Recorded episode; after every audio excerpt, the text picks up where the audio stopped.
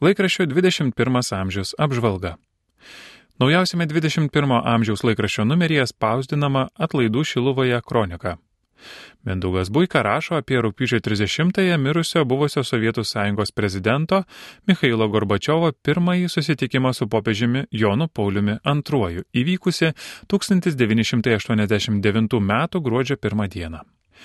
Gorbačiovo vizitas pas šventąjį tėvą surinktas praėjus nepilnam mėnesiui po Berlyno sienos griuvimo, kuris jau ženklino totalitarinės sistemos rytų Europoje žlugimą.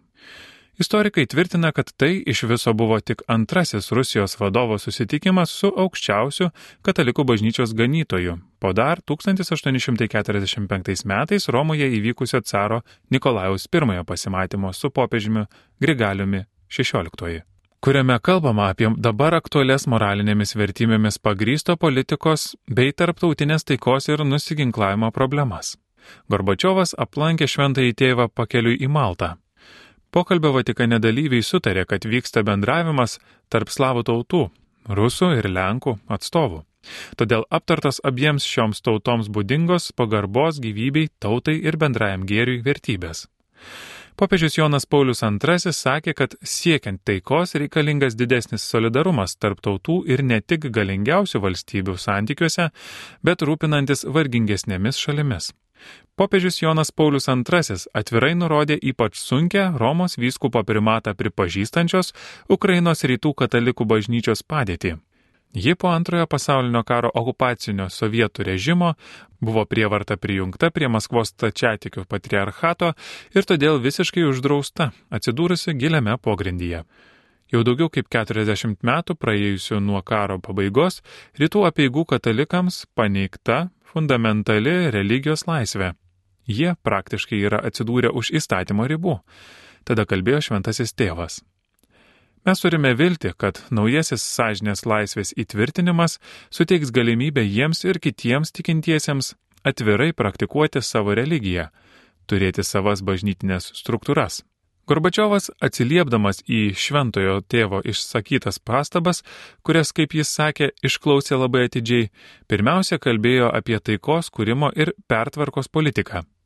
Jis pabrėžė, kad vykdomos naujovės grindžiamos ne kokia nors madinga tendencija ar noru patraukti dėmesį, bet nuo širdžių apsvarstymų susidariusios padėties, kurioje buvo atsidūrusi Sovietų sąjunga, Europa ir visas pasaulis.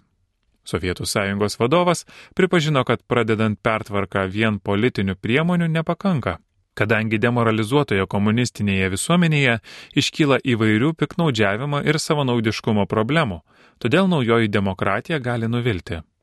Tai buvo teisingas pastebėjimas, kadangi, kaip parodė vėlesni įvykiai, jau po sovietinėje erdvėje susikūrusios naujosios partijos buvo susijusios su organizuoto nusikalstamumo grupėmis, o po vadinamo privatizavimo priedanga vyko masinis valstybinių turtų grobstimas ir gamybos pramonės žlugdymas. Mikhailas Gorbačiovas sakė, jog reikalingos etinės nuostatos, kad būtų kuriama moralinė visuomenė, kuri vadovautųsi amžinosiomis visuotinėmis vertybėmis, tokiamis kaip bendrasis gėris, artimo meilė, gailestingumas, parama silpnesniems. 21 amžius priedė provita, Mindaugas Buika rašo apie tai, kad rugsėjo 1 minėjome pasaulinės maldos užrūpinimąsi kūrinyje dieną, o tam skirtas laikas bus baigtas spalio ketvirtąją kai bažnyčios liturgijoje minimas didysis gamtos mylėtojas Šventasis Pranciškus Asižėtis.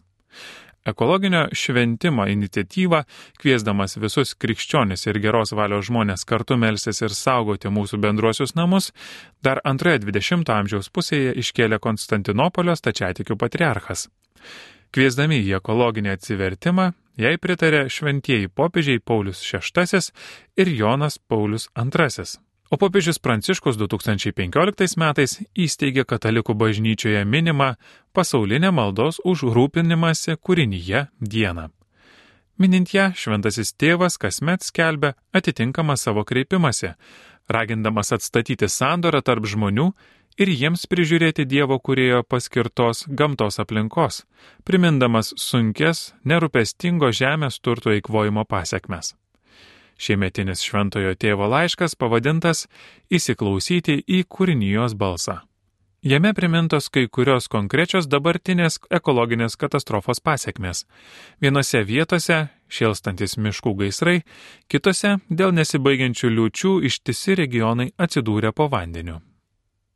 21 amžius rašo, kad paskutinį vasaros savaitgalį prie Baltijos vyko akcija Darom prie jūros. Jos dalyviai rinko smėlyje paliktas nuorukas, darančią žalą aplinkai ir jūrai. Kunigas Sigitas Jurkštas ir Julius Asnauskas dar kalba apie organų donorystės svarbą.